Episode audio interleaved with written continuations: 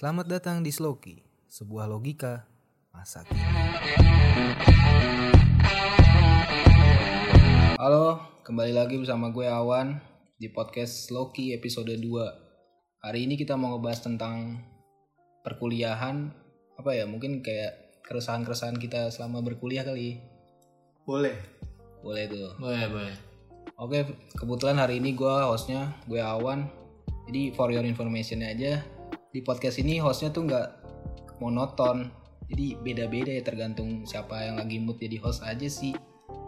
Udahlah, lanjut aja nih. Kemarin, kemarin kan gue lagi baca-baca di Twitter sama ya berita-berita lain today atau apa gitu. Kayak banyak gitu ma- mahasiswa yang ngeluh tentang perkuliahan online kayak ini tuh gue kuliah atau homeschooling sih Ya, soalnya di rumah mulu gitu menurut menurut kalian tuh kayak gimana sih efektif atau enggak sih kuliah online Nah, gue gue setuju tuh kalau lu bilang ini kuliah apa homeschooling. iya kan di rumah mulu anjing Ah, ah. Karena sebenarnya kuliah tuh nggak cuma tentang akademis kan. Kita mahasiswa kan tercipta itu namanya mahasiswa. Jadi kegiatan kita udah bukan cuma sebagai siswa yang belajar doang gitu. Kalau kita di aktif berorganisasi Ah, iya. Kalau kita kalau kita ini apa? Lupa. ya boleh lanjut lanjut lanjut Kalau kita ini apa? Lupa. Cepetan lanjut. kalau kita cuma belajar doang kan itu sama aja kita homeschooling. Bener kan? Gak jauh beda sama siswa yang lain gitu. Iya. Namanya mahasiswa itu kan maha, berarti kan dari segalanya, Iya. di atas dari segalanya. Tapi sebenarnya kalau dibilang ditanya efektif apa enggak kan ini lagi pandemi gitu kan. Kalau kita juga kuliah di kelas ya kita sama aja mencari virus itu sendiri kan. ya iya sih cuma yang gue bingungin kayak lu kuliah datang ke kelas aja kadang suka gak masuk gitu materi dari dosen apalagi kayak cuma lewat video call gitu emang masuk apa Nah iya gue setuju banget itu men. setuju setuju apa anjing Dari tadi setuju setuju. anjing. Iya. Karena gue setuju aja kayak kalau kita dengan kita ke datang masuk ke kelas duduk, gue aja main HP di kelas. Nah gue Online. sedangkan kuliah online, gue malah ketiduran bro. sering terjadi Itu. kalau lu gimana dam Kalau gue sih masalah kita ngomongin masalah efektivitas ya.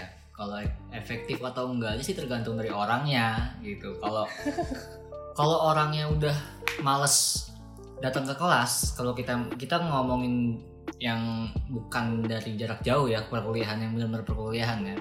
Kalau orangnya udah males masuk ke kelas, bisa jadi dia saat eh, perkuliahan jarak jauh di rumah kayak gini itu jadi rajin karena kayak yang nggak perlu capek gak sih dari kosan ke kampus gitu kan? Iya itu cuma di rumah. Ada Yang PP. ah, ya, ada tipikal orang yang tadinya males ngampus ke kampus pas di rumah kayak gini jadi rajin ada ya tipikal yang malah tambah males.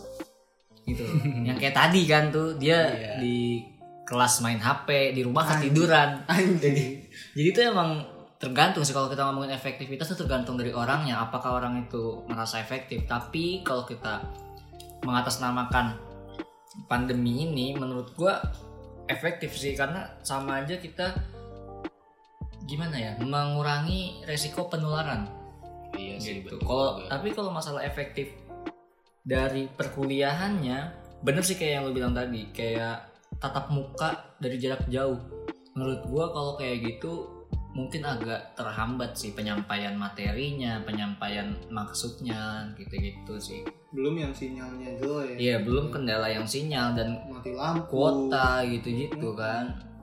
Iya sih gue kayak kemarin lihat di TikTok TikTok itu kan kayak ada tips buat kayak lu misalkan mager kuliah online itu tuh kayak lu ngerekam video muka lu terus jadiin virtual background gitu kan ya udah tuh tinggal setting virtual background muka lu lu nya cabut tidur itu jadi banyak kesempatan buat gak kelas gitu Iya sih benar. Tapi kalau benar. Kalau kalau menurut gua di di mana pun itu yang namanya kebijakan dan keputusan tuh pasti ada plus dan minusnya. Dan itu salah satu Iya. minusnya men. Jadi semakin banyak celah bahkan ada murid yang dia cuma absen setelah itu udah tidur. Jadi kalau misalkan masuk pagi nih dan kebetulan gue juga sering kayak gitu sih. Jadi kalau masuk pagi gue belum tidur gue bangun saat jam masuk eh, matkul gue absen ya udah gue tinggal tidur. Gitu sih itu salah satu minusnya sih. Jadi kayak lebih banyak peluang mahasiswanya untuk curang sih ya. Nah, cuma iya. kalau kalau kita bilang efektif dari segi lebih cepat ya maksudnya kan ada nih eh, tipe dosen yang kayak sering tanya jawab gitu. Ada gak sih di Oh, kampus iya lu? tuh, ada ada. iya. Jadi kalau kita kalau kita online gini kan untuk mahasiswa yang rajin gitu. Jadi dia mas- masih bisa kayak buka dua tab yang pertama tuh ya dia googling. Nah, jadi gitu. sambil kuis gitu kan dia googling. Jadi kemampuan bisa jadi lebih meningkat kemampuan walaupun dibantu oleh ya Google tadi googling tadi gitu. tapi tetap ada efektivitas kalau efektif sih? Ya yang gue bilang tadi sih tergantung orang dan cara dia mandangnya. Iya, kalau kalau sendiri gimana kuliah ya gue gimana ya? Ya kuliah udah bener-bener do ada ada aja gue kuliah sih gue kuliah. Cuma satu semester doang. Ya sekarang betul sih gue drop out di saat yang pas menurut gue kayak gue drop out di saat ya pandemi. Ya daripada gue bayar mahal-mahal kan buat semester 2 terus ntar gue semester 3 nya pindah mending gue drop out. Iya sih. Ya, jadi gua- enggak sih. Oh, iya sih ya enggak lah. Gitu gua, emang lu udah bisa baca gitu berarti oh nanti akan ada pandemi nih Makanya gue do nih. Lu, lu- berarti lu orang yang bisa membaca itu. Keren berarti. Gue mengikuti teori elit glo- global ini. Elit global. Tapi ini sih kalau kuliah. Sebenarnya masalah kuliah daring atau enggak tuh untuk belajar tuh nggak begitu inilah nggak begitu dipikirkan karena pembelajaran tetap terjadi gitu kan. Cuma yang berbeda dari kuliah daring ini jadi lu nggak bisa ketemu euforia kampus iya sih kayak kangen teman-teman Ah, gitu ya. iya kayak gue kangen kuliah main anjing kayak apa sih namanya ketika lu masa di kuliah itu kan lu masuk lu ketemu temen-temen lu lu bisa sharing by the way yang ngerasain pembelajaran jarak jauh itu bukan cuma kita sebagai mahasiswa doang loh. maksudnya ya murid-murid SMA SMP itu juga ngerasain pembelajaran online gak sih? Ya bahkan sampai SD sih. PSD SD juga online sih dia serius? Iya ada baru aplikasinya tahu kan? gue. Apa tuh? Ruang BK Gak jelas. Iya sih sebenarnya mereka ngerasain juga cuma itu sih bedanya. Apa ketika yang mereka ngera- jadi nggak ngerasain struggle-nya gitu pas akhir biasanya kan lu pas akhir-akhir SMA tuh lu ngerasain struggle segala Wih, macam coret-coretan. coret-coret terus Iya. Bahkan ada- bomb ada sekolah yang mungkin buku tahunannya nggak jadi belum jadi kali ya yang terkendala gitu. Jadi sampai graduationnya. Nah itu dia jadi kayak ya udahlah lo harus ikhlas gitu. Pokoknya untuk angkatan bawah lo harus ikhlas lah. Gila, padahal udah jauh-jauh hari kan nyiapin setelan jas sama kebaya buat graduation udah beli mahal-mahal. kayak gitu nggak murah ini. Apalagi udah bayar perpisahan. Aduh iya tuh tapi nggak jadi berangkat. perpisahan juga nggak jadi ini kasihan banget ya. Ya, tetap sabar ya untuk angkatan 2020 kalian harus menerima itu. Mau nggak mau harus terima. Soalnya nggak ada yang tahu bakal terjadi kayak gini. Terus ngomong-ngomong soal SMA ya gue jadi apa ya ngerasa kalau kehidupan perkuliahan sama persekolahan tuh kayak jauh banget bedanya men. iya gak sih? Wah, itu bener sih. Bedanya tuh kayak di di dunia kuliah sama dunia sekolah tuh kayak lu kuliah tuh bebas jadinya. Bebas banget. Parah kelihatan kan kayak dari mau teknik bebas? Aduh bebas. Oh bebas. Cuma ospeknya sih.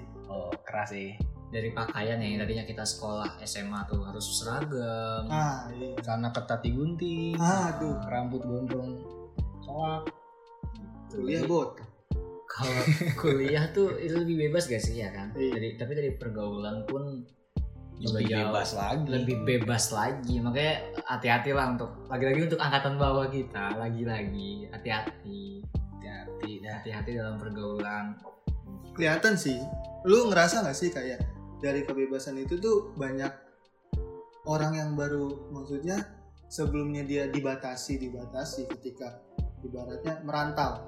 Karena gue juga sebagai perantau kan. Oh iya lu perantau ya? ibaratnya yang tadinya lu sama orang tua tiba-tiba lu jadi apa-apa lu ya keputusan lu sendiri kaget Jadi bebas. kali ya Ah, kaget gitu. Itu yang bikin jadi kayak semua tuh bandel gitu tiba-tiba jadi bandel. Bandelnya kutip ya? Ah kutip. Bandel. Tip bandel. Asal celup. Hah? nggak ngerti. Nggak Jadi tahu memang- apa asal memang banyak sih kalau kita lihat maksudnya dunia. Mungkin dari dari ya gue nggak tahu sih mungkin ada namanya zaman sekarang ya. Mungkin dari udah SMA dia udah kayak gitu ya mungkin. Tapi di perkuliahan ini lebih banyak ya.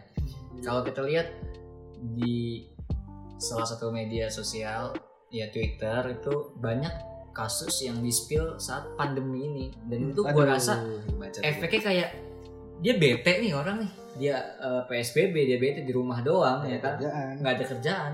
Akhirnya cerita orang di spill Waduh, gitu. Ada cerita orang ya cerita orang gitu. Di adalah di universitas gitulah di universitas. Banyak loh bukan satu atau dua univ doang. Iya banyak Kayak- sih banyak.